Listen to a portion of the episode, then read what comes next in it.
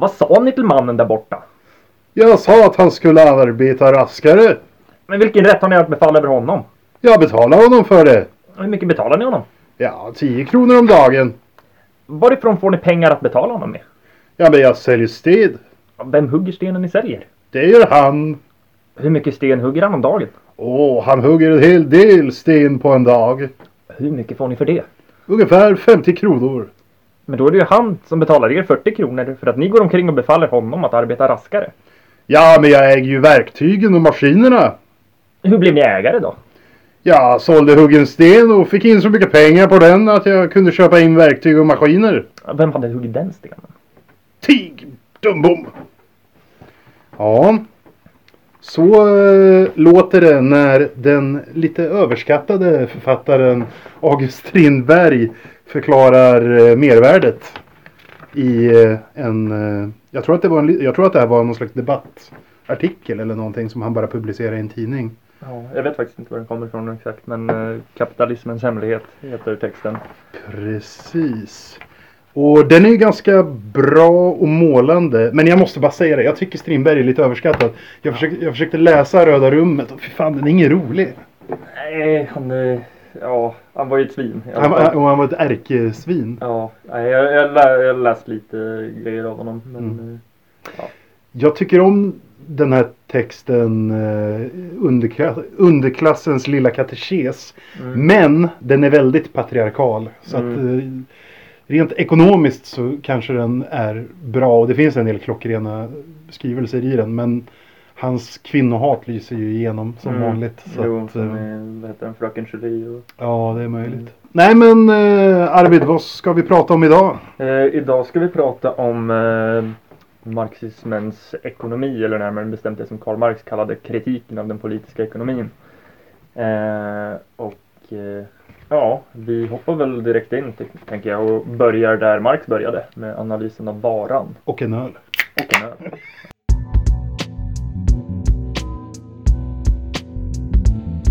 If you're going to talk about a revolutionary situation, you have to have people who are physically able to wage revolution, who are physically able to organize and physically able to do all that is done. Jag menar, vad vore KFMLR om de inte hade SÄPO att hänga upp sin existens på? Om vi ska kunna få en egen stat, vi ska kunna bygga arbetarestaten. God, those communists are amazing. Ja men alltså, know your enemy säger man ju. Och ska man, ska man angripa kapitalismen och störta kapitalismen som väl är det långsiktiga målet här. Eh, så måste vi veta hur kapitalismen fungerar. Eh, Det är lite som att ha en sån här IKEA-hylla. Eh, att har du ingen ritning till IKEA-hyllan så blir det svårt att bygga ihop den. Och kanske svårt att by- bygga ner den också. Nej, jag vet inte, det var en dålig liknelse. Men vi ska i alla fall använda oss av vår egna ritning då. Och förklara hur, hur, hur kapitalismen fungerar. Så vi... kanske kan säga några ord om, om eh, vad en vara är först. Ja, nej men eh, som vi, som vi gick igenom i förra avsnittet var det väl. Eh, så är ju en, en grund, grundpelare i, i den eh, marxistiska synen på, på världen att, eh, och historien och, och allt sånt att eh, människan måste för att överleva, det är ju ganska, ganska självklart då, men människan måste för att överleva producera vissa nyttigheter. Eh, och eh, ja, som, som mat och kläder och bostäder och, och så vidare. Och de här materiella produkterna, ja, de, de tar först, först och främst form, en form av produkter, arbetsprodukter. En produkt av mänskligt arbete. Under kapitalismen så tar den här produktionen av de materiella nyttigheterna och av andra saker och också för den delen eh, formen av varuproduktion. Det vill säga eh, produktion för eh, utbyte på en marknad. Och, och Marx kallar den här kallar varan för det kapitalistiska samhällets minsta beståndsdel eller den minsta ekonomiska cellen liksom. Och därför bör, börjar han sin analys där. Mm. Och varan, som du sa då, har, har enligt Marx en dubbel natur. Den har ett bruksvärde och den har ett bytesvärde. Och vad är bruksvärdet? Bruksvärdet är ju då själva egenskapen som en vara har. Att eh, Till exempel en tröja. Eh, dens bruksvärde är ju att hålla dig varm. Eh, och att kanske hålla ett tag. I bästa fall i dagens kapitalism så, så håller de ju inte så himla länge. En eh, lägenhets bruksvärde borde vara att hålla dig varm och att ha ett tak över huvudet eh, och sådana grejer. Så man kan ju säga att bruksvärdet är sakens egenskaper helt enkelt. Mm. Vad, vad folk vill ha den för. Precis. Vad folk brukar den till. Det är det där av bruksvärde.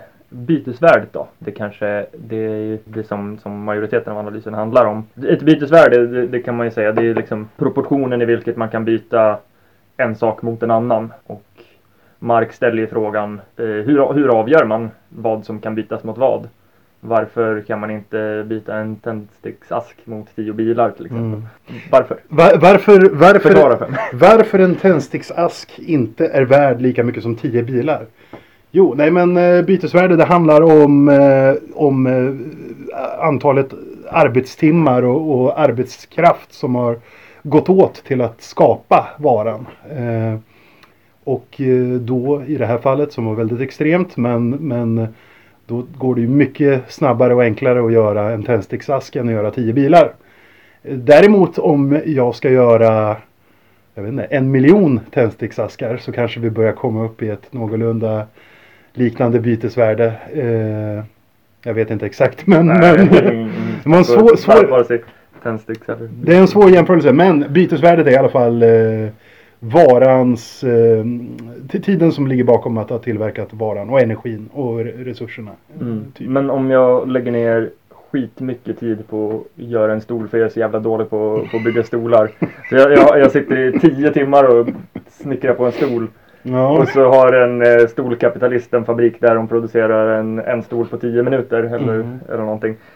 Då eh, är, är min stol värd jätte, jättemycket mer än de stolarna som produceras i den fabriken då. Den blir tyvärr inte det. Även Nej, om, även, även om jag, jag skulle ju önska, önska att, att, din, att din stol blev så värdefull. Eh, men eh, nej. Eh, jag vet inte fan hur man ens ska förklara det. Eh, det blir ju, ja, du får köra på. Ja, ja nej men ja, ja, det var ju en lite så, vad säger man? Spela djävulens advokat. Ja, nej, jag vet inte om jag säga det riktigt. Ja, ja. Eh, men eh, jag, jag har svaret på frågan i alla fall. Eh, Marx menar ju att det är den eh, samhälleligt nödvändiga tiden som, eh, som går åt för att producera en, en viss vara eh, som avgör dess värde. Mm. Så eh, min, min, min jättedåliga stol som tog jättelång tid att göra i, i och med att eh, stolar i allmänhet i samhället, i samhället, de flesta stolar som produceras inte tar så lång tid att producera så, så är inte min stol heller. Mm. Eh, Den är ett undantag. Då är den inte värd mer. Nej, precis. Eh, ja precis, den, den är undantag i det att den kräver mer tid att producera. Men det är den samhälleligt nödvändiga, genomsnittligt samhälleligt nödvändiga tiden, eh, tiden som går åt att producera en vara Mm. som avgör värdet. Och det är vid en viss, viss tidpunkt och vid en, ett visst givet geografiskt område kanske. Eh, som, man- som man, eh, eh, och det beror på den teknologiska utvecklingen liksom och eh, vilka råmaterial säg som finns tillgängliga och sådär Mm. kan, eh, vid, vid, en, vid en viss tidpunkt eller ett visst samhälle. Eh, så det, det är någonting som ändras över tid. Till exempel om man helt plötsligt, eh, ja men om vi säger att man helt plötsligt eh, eh, kommer på ett helt nytt sätt att halvera tiden för att producera stolar och alla helt plötsligt, alla som tidigare producerade stolar på 10 minuter producerar dem på 5 minuter nu. Mm. Då eh, så blir ju värdet på stolen med ens eh, mindre Mm. eh, på varje enskild, enskild stol liksom. För att det går åt Precis. mindre tid att producera dem. Precis, lite som eh, om man ska dra typ en historisk eh, kontext att till exempel en krydda som var jättesvår att få tag i var värd, som saffran till exempel nu när Mm. det är juletider, var skitvärdefullt för eh, hundra år sedan. För det var svårt att få tag på och ja, man hade väl inte den transporttekniken som behövdes för att få hit saffran från var nu man odlar saffran någonstans. Men i och med att saffran har blivit mer lättillgängligt och mer enkelt att producera så, så har priset sjunkit på det. Mm. Det är fortfarande svindyrt dock. Ja, det är det alltså? Ja, Okej. men det kostar väl typ det kostar typ lika mycket som guld. Oj. kilopris. Ja, Eller det- om det är till och med mer än guld. Det är fan dyrt. För jag läste någonstans att saffranspriset hade sjunkit. Ja, men du köper ju fortfarande sådana här jättesmå, typ så- samma storlek som tepåsar ungefär. Just Och det. typ förut såldes de väl typ bara på apoteket tror jag. Ja, det kanske var så. Jag tror Ja. man kan köpa dem typ i kassan. Men om priset hade sjunkit så stämmer min jämförelse. Ja, nej men har, det har väl säkert... eh, eller ja, där, där där har vi en, en grej som vi kan snacka om. Pris och värde Mm. eh, använder ju inte Marx på riktigt samma sätt. Utan priset är ju, eh, kan man säga, en varas värde uttryckt i pengar. Mm. Och pengar menar han är en, eh, en allmän ekvivalent. Eh, för att använda ett lite komplicerat uttryck. Men det, det är någonting som man kan det, det är en vara som man kan byta mot vilken annan vara som helst. Mm. Så, och det, där, det är egentligen den varans bruksvärde att den kan bytas mot vilken vara som helst. Mm. Eh, och då om man uttrycker, eller om man uttrycker ett värde i pengar så blir det priset. Och det blir, där, där, där kan man ju säga, där blir det ju aldrig liksom, där, där menar ju många så att priset kan man aldrig riktigt, priset kommer inte hela tiden stämma överens exakt med värdet för det är ju svårt att liksom, ja, man, man vet ju inte alltid exakt hur många arbetstimmar det går åt för att producera en, en grej liksom. Mm. Det är inte så att någon sitter och räknar det och där bestämmer hur, hur mycket något är värt utan det är on average liksom Mm. så, eh, så blir eh, så jämnas priserna ut men de, de styrs ju också priserna styrs ju också av tillgång och efterfrågan och sådana Mm. grejer men eh, tenderar att fluktuera runt eh, runt den liksom mittpunkten som är Mm. är varans värde och det är ju därför liksom även om tillgång och efterfrågan kan, kan eh, göra att bilpriset går upp och ner så blir aldrig en bil värd lika lite som en tändsticksask. Nej, precis, precis. Och om bilen kostar, nu vet inte jag ens vad en bil kostar, men om en bil kostar 50 000 och det anses vara billigt under en period så kommer ändå priset på bilen att öka till 70 000 senare och medelpriset på bilen kommer ändå alltid att vara konstant oavsett om det är billigare eller inte oavsett om det är mer efterfrågan eller inte. Liksom. Mm. Och då har vi snackat om eh, ja, men bytes och eh, ja, men då kan vi snacka om eh, varucirkulationen som är, är nästa steg kan man väl Ja. säga i, i Marx förklaring av kapitalismen. Och där snackar han ju liksom om de, de förkapitalistiska marknaderna. För det fanns ju marknader innan det fanns kapitalism. Kapitalism och marknad är inte samma sak som vi kommer att komma fram till lite mer längre fram. Men eh, Liksom, ja precis, att, att så här innan det liksom lönearbetet eller vad man ska säga. Så kan det vara så att jag var en eh, hästskomakare och du var en, eh, en eh, smed som sm- smidde knivar. Och Mm. du behövde fyra hästskor och jag behövde en kniv. Och då kanske det var ungefär lika mycket eh, bytesvärde på, på de två. Och då kunde vi byta det med varandra. Mm. Utan att ha en transaktion med, med pengar. Ja, precis. Eller om jag var en bonde och så fick jag ett överskott när jag eh, så om jag var någon typ av så här fri, fri bonde liksom, så Mm. fick jag ett överskott eh, när jag eh, producerar. Jag behöver inte äta all maten själv och Mm. prästen eller kungen eller, eh, eller den lokala överherren. Mm. Eh, vilket land vi befinner oss i, vad Mm. han har för titel, jag vet inte. Men eh, han, han, behöver, han tar inte heller eh, allting så det blir lite över. Då kan du gå till marknaden och Mm. sälja det som blir över det överskottet. Liksom. För kanske du behöver skor till dina barn på vintern.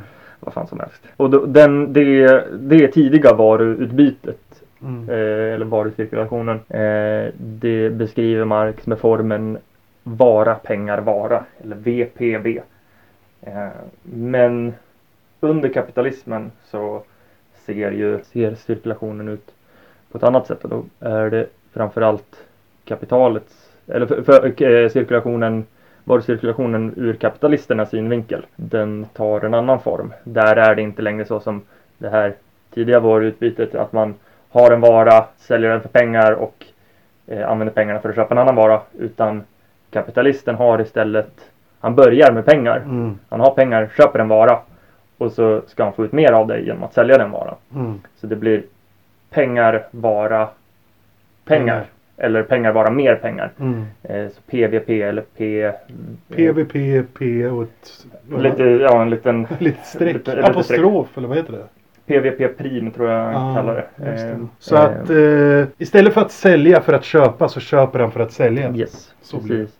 Eh, och då, då kommer vi osökt in på eh, frågan. Marx skriver kapitalet lite som en deckare nästan. Mm. Det är ganska kul att läsa de tidiga kapitlerna. Mm. Eh, Varifrån kommer det här mervärdet då som man snackar om. Som vi också Mm. eh, tog, gjorde ett exempel på med Strindberg. Mm. Eh, grejen i början. Ja, men varifrån kommer, kommer mervärdet? Varifrån kommer de extra pengar? P-prim liksom att Först måste vi med, med vad är mervärdet?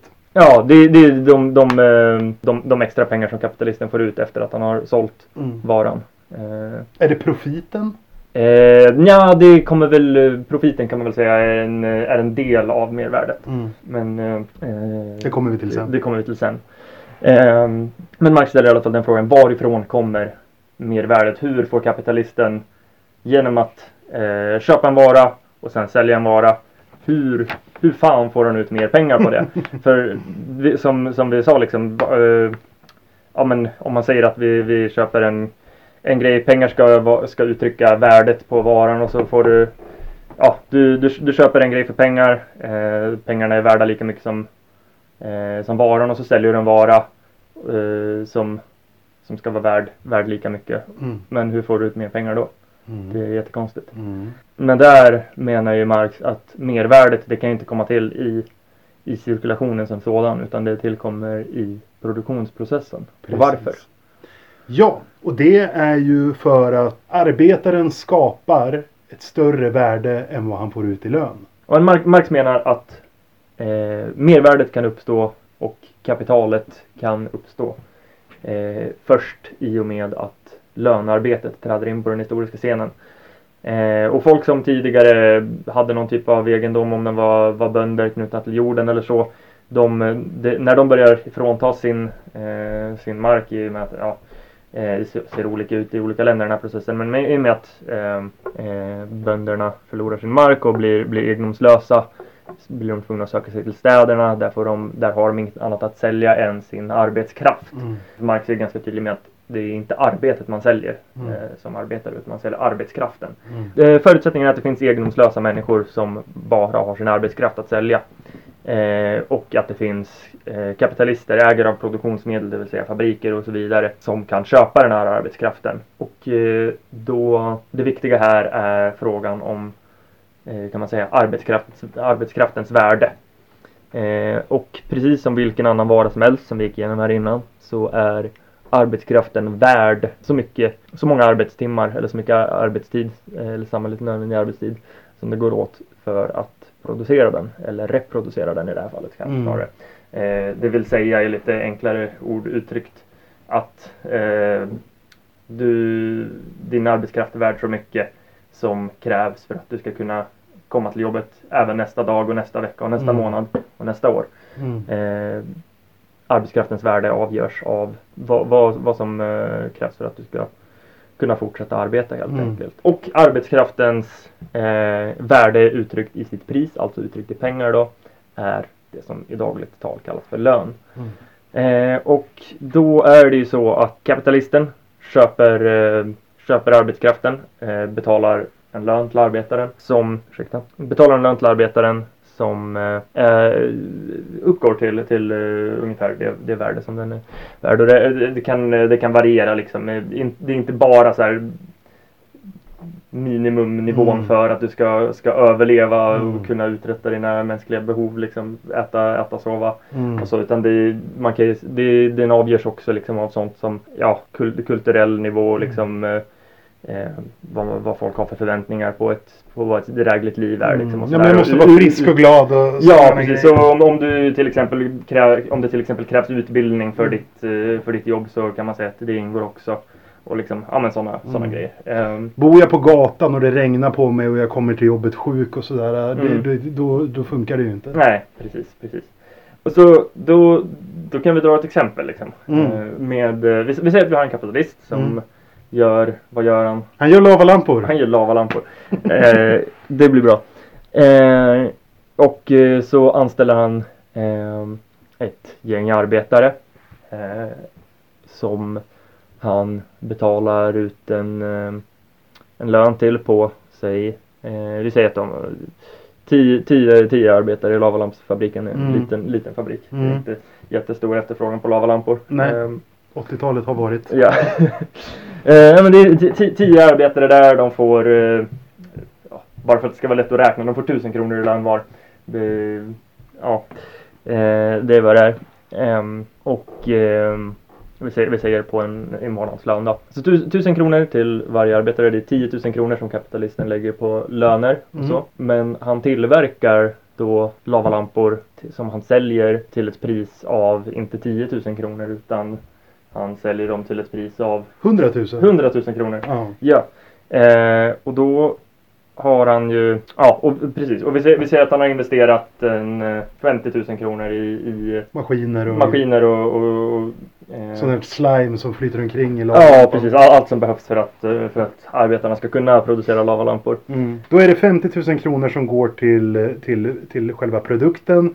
Det är 10 000 kronor som går till arbetarna i lön. Och då är det 40 000 kronor kvar Mm. Och eh, var hamnar de? Hos kapitalisten. Ja, där har vi mervärdet. Jajamän. Vi Och han har ju inte gjort någonting mer än att, äga. att äga och köpa produktionsmedel. arbetskraften. Han jobbar ju inte i fabriken. Nej. Och det är ju det som, eh, det är det, är det här Marx eh, eh, menar när han säger att kapitalismen är exploativ. Och det är det kommunister menar när de säger att kapitalismen är ett utsugande system. Mm. Eh, Det är eh, precis. Och jag ska, här kommer ju det här citatet in som jag tänkte ta. Eh, i, från Karl Marx skrift Lön, pris, profit. Eh, eh, det, är alltså en skrift där Marx håller ett långt tal där han dissar en eh, typ reformist som heter Weston. Och då pratar han så här om mervärdet. Medborgare Weston illustrerade sin teori genom att berätta oss eh, att om en soppskål innehåller en viss mängd soppa så, eh, som ska ätas av ett visst antal personer skulle en ökad bredd på skedarna inte åstadkomma en ökad mängd soppa. Man må ursäkta mig att jag finner denna illustration en smula barnsligt. Och så lite senare i texten. Eh, medborgare Weston och sin sida har glömt att den soppskål ur vilket arbetarna äter är fylld med hela produkten av det nationella arbetet och att det som hindrar dem att ta mera ur skålen varken är soppskålens litenhet eller dess innehålls ringa mängd utan blott deras små skedar. Slutcitat. mm. Det tycker jag är ganska målande och bra för sådana som mig som är dåliga på, på att tänka matematik Ja, och sådär. Den är bra. De var bra alla de där gubbarna på att dissa folk. Ja! Marx, Lenin och Engels. ja, det, är, det är det roligaste med att läsa klassiker är hur jävla elaka de är mot dem de bråkar med. Ja, Liksom. verkligen. ja, eh, en, eh, ett annat sätt man kan, man kan uttrycka det här, det här förhållandet på, eh, om, om alla de här exemplen går lite över huvudet på, på någon, är eh, eh, Ma- Marx, Marx förklarar också som att eh, arbetsdagen kan delas upp i nödvändig arbetstid och merarbetstid. Den nödvändiga arbetstiden är den eh, tid när du arbetar ihop värdet eh, på din egen arbetskraft. Eh, Alltså arbetar för att tillgodose dina egna behov. Och när den tiden har tagit slut, om det är säg efter en timme eller, eller så, eller om det är efter fyra timmar, det beror ju på hur, hur pass exploaterad du är. Mm. Eh, vad utsugningsgraden, med ett annat ord, Mm. eh, ligger på. Men sä- säg, säg efter fyra timmar av en åtta timmars dag så har du Mm. arbetat ihop där. Då är ju resterande fyra timmar, de går ju bara till, till kapitalisten. De går Precis. till merarbetstiden. Först arbetar du för dig själv för att få ihop din lön. Och sen Mm. arbetar du bara för kapitalistens. Ja, mervärde. ja precis. Yes. Eh, och mervärdet, det, som, som vi var inne på lite tidigare, det är inte bara vinst. Kapitalisten lägger inte allt på fickan direkt. Eh, även om det är han som eh, kontrollerar eh, mervärdet. Mm. Eh, men, utan en, en del går ju åt till, till, att, eh, till aktieutdelning till kanske aktieägare om det är ett, eh, ett aktiebolag. Mm. En del går åt till, ja det, det kostar väl lite att, att få ut allting till Mm. Eh, återförsäljare liksom. En del, en del försvinner där. Underhåll av maskiner kanske. Om någon maskin går sönder. Ja, exakt. Och, eh, eh, och sen eh, går ju en hel del in i, i produktionen igen. Återinvesteras som kapital.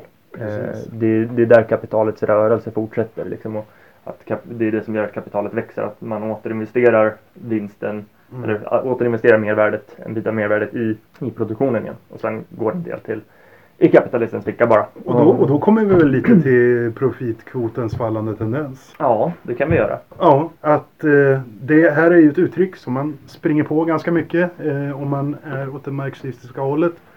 Eh, och eh, profitkvotens fallande tendens, det är lite vad det låter som. Att eh, den har en tendens att falla för att kapitalisten, för att konkurrera med andra kapitalister, måste i konkurrensen se till att hans fabrik till exempel är effektivare då än de andra kapitalisterna. Och med en kapitalist i... Ja, men man kan ju bara titta på, titta på världen idag för det här gäller fortfarande. Liksom att, eh, om vi tar stål, stålverk till exempel. Min farsa jobbar ju på, på ett stålverk. Och där ser de ju hur de hela tiden har konkurrens med Kina. För att i Kina så har man så billig arbetskraft och eh, man är snabbare på att producera varor, man har nyare teknik hela tiden. Och det gör ju att den svenska kapitalisten som äger stålverket som min farsa jobbar på måste ju hela tiden försöka hinna ikapp kineserna. För att om han bara, nej, jag har de här maskinerna från 70-talet och de funkar jättebra och jag tänker fortsätta använda dem. Då springer ju Kina ifrån honom. Liksom. Och då kommer ingen vilja köpa stål av honom för att Kina gör mer stål på mindre tid och till billigare pris. Och då kommer ingen vända sig till den svenska kapitalisten.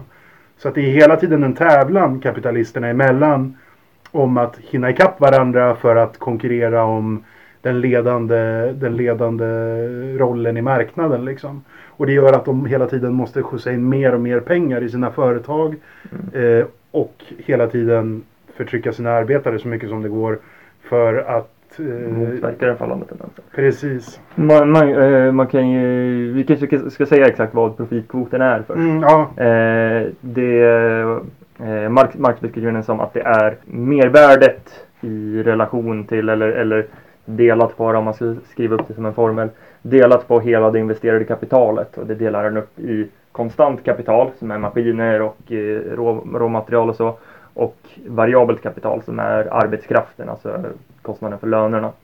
Eh, och ehm, han, snackar, han snackar också om det jag nämnde utsugningsgraden Mm. eh, och det är mervärdet i relation till, till det variabla kapitalet, i relation till, eh, till lönerna kan man säga. Eh, enkelt förklarat. Och förutsatt att den relationen mellan mervärde och variabelt kapital är lika, alltså att relationen mellan dem är lika.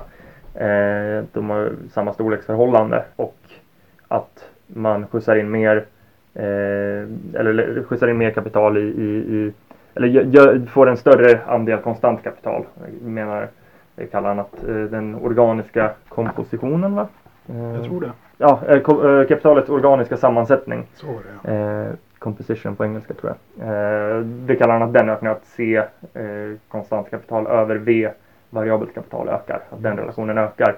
Då, då har du eh, mer då får du in mer kapital men mervärdes, eh, mervärdets andel eh, sjunker i förhållande till, till det växande Mm. eh, kapitalet. Och eh, då, eh, pro- profitvolymerna kan växa men profitens andel i förhållande till eh, totala investerade kapitalet Mm. eh, sjunker Mm. kan man säga. Pedagogiskt. Jag försöker. Ja. Eh, ja, ehm, och eh, det är ju det här att, att profitkvoten eh, hela tiden försöker sjunka. Eller eh, försöker, men profitkvoten har den här tendensen att sjunka.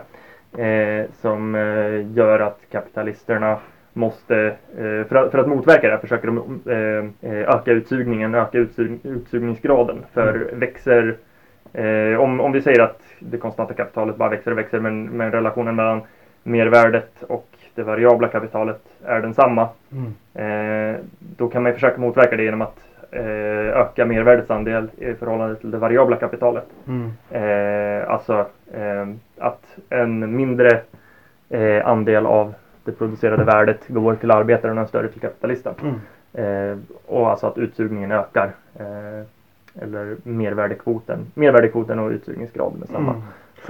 Och det kan ta sig uttryck till exempel i mer arbete på samma tid. Det kan eh, ta sig uttryck i att man gör sig av med arbete. Om vi var tio arbetare från början på den här lavalampsfabriken så kanske vi blir åtta som får göra samma jobb. Mm. Det kan ta sig uttryck i att vi fortfarande jobbar åtta timmar om dagen men istället att vi jobbar fyra timmar åt oss själva och fyra timmar åt kapitalisten. Mm. Så blir det två timmar åt oss själva och sex timmar åt kapitalisten. Ja. Och det kan också motverkas genom att eh, en kapitalist inför ny teknik Mm. eh, som gör att, att man halverar arbetstiden för stolar, lavalampor och vad som Mm. helst. Precis. Den nödvändiga arbetstiden och då eh, om, om vi säger att resten av kapitalisterna på stolmarknaden och lavalampsmarknaden inte har hunnit införa den här nya tekniken än. Mm. Då kan den här kapitalisten eh, få en, en extra, eh, ett extra mervärde Mm. genom att han kan, han kan fortfarande sälja dem till samma pris som alla andra även om de för honom eh, Blir billigare. blir billigare att producera. Eh, men över tid så tenderar ju den här, det här sättet att öka utsugningen Mm. att bara slå tillbaka på kapitalisten. Precis. I, I och med att efter ett tag så kommer de andra också införa samma grej och det här extra mervärdet går inte att realisera längre. Mm. Och eh, eh, ja, och så, och så eh, har, står han där helt plötsligt med bara jättemycket mer konstant kapital. Mm. Eh, som får profitkvoten att återigen gå ner. Eh, det, fin- det finns lite intressanta typ ekonomer och så som, som har eh, kollat på, som har försökt göra uträkningar på, på profitkvotens eh, eh, fallande. Om man kollar upp bloggen The Next Recession tror jag den heter. Eh, av en ekonom som heter Michael Roberts. Mm. Så kan man se hur han och några, några som han citerar eh, har gjort så här uträkningar och fina grafer där Mm. man ser hur profitkvoten går neråt och så går den uppåt lite och kanske Mm. men, men tendensen är for, fortsatt dalande liksom och den går neråt, neråt, Mm. neråt. Även om den går upp i perioder liksom. Även kommunistiska partiets nationalekonom Bertil Kilner vet jag har skrivit om det här.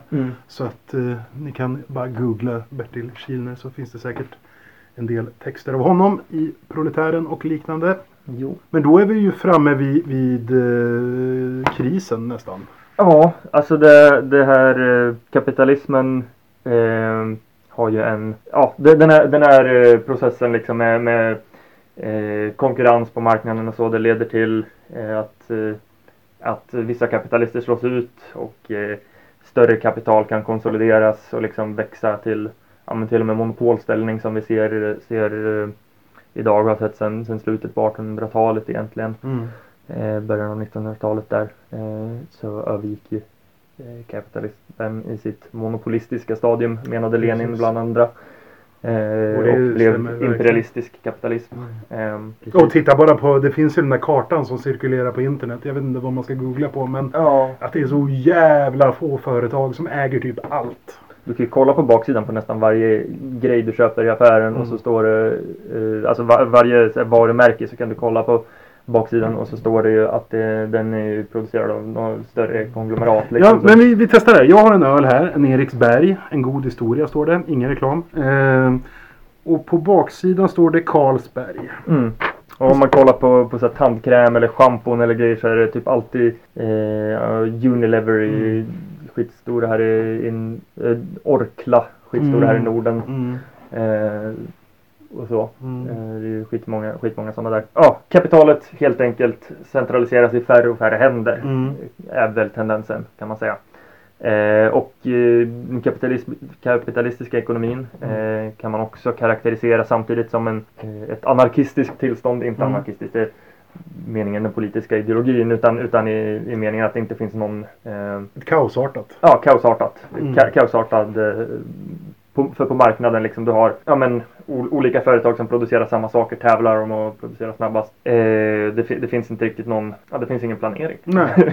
är det väl det handlar om. Eh, ja, nej, men de, de, de, här, de här eh, aspekterna av, av kapitalismen, centralisationen eller centraliseringen och an, eh, produktionsanarkin. Eh, man kan ju, vi har snackat lite om det i tidigare avsnitt också, det som eh, eh, Marx och Engels snackade om, den ka kapitalismens eh, tendens till församhälligande av, av ekonomin men samtidigt som, eh, som ägandet och tillägnandet av arbetsprodukterna blir, pri- förblir privat. Det är det som leder till det här kan man säga. Mm. Och det ger ju upphov till sådana saker som överproduktionskriser, och, eh, överproduktion i allmänhet, och resurslöseri i, Mm. i liksom kubik. Om man kollar på sådana grejer som, det, som kallas för planned obsolescence på engelska. Mm. Alltså att saker byggs för att eh, hålla bara eh, en kort tid. Exakt. Fast fashion, Mm. sådana grejer också. Slit och släng samhället. Ja, precis. Hela den grejen. Bara för, Och det är ju bara för att, för att de ska kunna få in en större vinst. Att Mm. Kapitalet ska kunna förmera sig snabbare och snabbare liksom. Precis, ett exempel på det, eller jag har två bra exempel. Dels att den första glödlampan som gjordes, alltså vi snackar sent 1800-tal, den lyser fortfarande. För att den var gjord för att hålla. Mm. Och även eh, så såg jag en dokumentär för länge sedan när de drog en bil med en sån här eh, nätstrumpa. Ja just det, nylonstrumpbyxor. Ja, precis, Ja. precis. Och eh, alla kvinnor som lyssnar eller folk som över, överlag gillar att ha eh, nylonstrumpor på sig vet väl att de går sönder jävligt enkelt idag. Men eh, på 50-talet kunde man alltså, då var det någon som hade fått punktering och då band de fast en sån här jävla nylonstrumpa i bilen och boxerade hem bilen med strumpan. Det skulle ju aldrig gå idag liksom. Nej. De går ju sönder bara man, bara man drar i dem Mm. liksom. Så att, Ja. ja, det är Och, jävligt eh, intressant. Mm.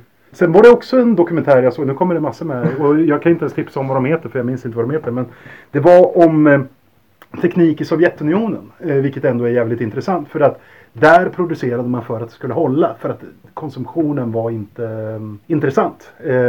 Och då var det i den här dokumentären så besökte de massa äldre människor i, i då Ryssland och forna Sovjetunionen. Och så kollade de hur många procent av deras, av deras grejer i hemmet, deras elektronik och liknande. Kylar, eh, brödrostar, kaffekokare och sådana grejer. Och du vet, de hade ju nästan allt kvar ifrån Sovjetunionen. Mm. För att det, det höll fortfarande liksom. Och de här bilarna, ladorna som fortfarande rullar och sådär. Det, är- det är intressant. För idag görs ju saker för att gå sönder. En telefon till exempel. Den har ju två år som livslängd. Sen ger batteriet upp liksom. Mm. Slutar komma upp säkerhetsuppdateringar. Ja, ja men precis. Det, det är ju liksom, saker ska gå sönder för att kapitalisterna behöver din konsumtion. Mm. Mm. Jag satt och kollade på nya mobiltelefoner för ett tag sedan och Mm. jag såg en som jag funderade på, på att skaffa. Den hade som, som liksom selling point att Mm. den har eh, uppdater, uppdateringar av programvaran i två år. Oh, wow. Wow. Ja, Ja, eller, ja, men liksom om du ja, jämför med en dator så är det ju helt, helt sjukt. Ja, du skulle ja. aldrig kunna eh, sälja, en- sälja en dator, eller snart, snart kan du väl men, Mm. men du skulle just nu aldrig kunna sälja en dator och säga ja du kan få, få uppdateringar på programvaran i två år bara. Mm. Sen, sen får du köpa en ny liksom. Ja, nej det är... Men sen också så här, jag vet inte om det här är en urban legend, men jag tror fan det är sant. Men den här telefonen som fanns på 90-talet som kallades för Ericsson High-fenan. Mm. Den var i princip i gummi och du kunde, du kunde ta tag i den och bara drämma den i marken och den bara studsade som en jävla gummiboll liksom. Mm. Och den hörde jag eh, slutades tillverkas för att den inte gick sönder. Ja, men jag har hört samma. Mm. Det är intressant. Liksom. Ja. Den, kapitalisterna råkade göra den för bra. Ja, Så de sålde inga nya telefoner. Och då var de tvungna att ta fram en sämre telefon för att sälja mer. Liksom. hatar när det händer. Ja. Men eh, hur, hur motverkar vi den här skiten då med, med produktionsanarkin och, och överproduktion och miljöförstöring leder ju det här till och, och klimatförstöring liksom. eh, Planetens undergång. Precis. Vi motverkar det genom eh, att församliga även ägandet Mm. och, eh, Planera. eh, och ja, genom planering precis. Mm, Eh, precis. Så Så det, det, det är surprise, surprise! Vi landar i socialismen är lösningen. hade man aldrig kunnat tro. Det Med den här aldrig- podden. Nej. Nej. Kanske om vi gör något första aprilavsnitt någon gång. Och döper om podden eller något. Nej men, eh, nej, men det, det, det är viktigt att poängtera kapitalismen. Alltså kriser ingår. Det är liksom så här. Du, du kapitalist... Kapitalistiska podden mark Marknadsliberalerna. Förlåt. Det, ja, Det, men det, var ju, det var ju skitbra. Det blir ju samma förkortning. Ja. Kapitalistiska podden Marknadsliberalerna. Ja, det blir spännande. Den kan, vi, eh, den kan vi säga om det är någon liberal som lyssnar på det här. Ni är fria att, att ta det. Vi bjuder på den för vi är kommunister. Så ni får ta det namnet om ni, om ni vill. Ehm, nej, men, nej men det är viktigt att poängtera det. Liksom, att kapitalismen, det ingår ju kriser i den. Och den är absolut inte felfri. Eh, som jag tror jag till och med pratade om i förra avsnittet eller förrförra. Men liksom att vi får lära oss att, att kapitalismen det är den enda verkligheten vi har och liksom så här, det är det enda vi känner till. Men jag upprepar mig igen för att jag tror på upprepning. Och det är ju att kapitalismen är om man ska vara schysst liksom 150 år gammal och den moderna kapitalismen. Och ja, det är inte historiens slutstation. Hell yeah. Hell yeah.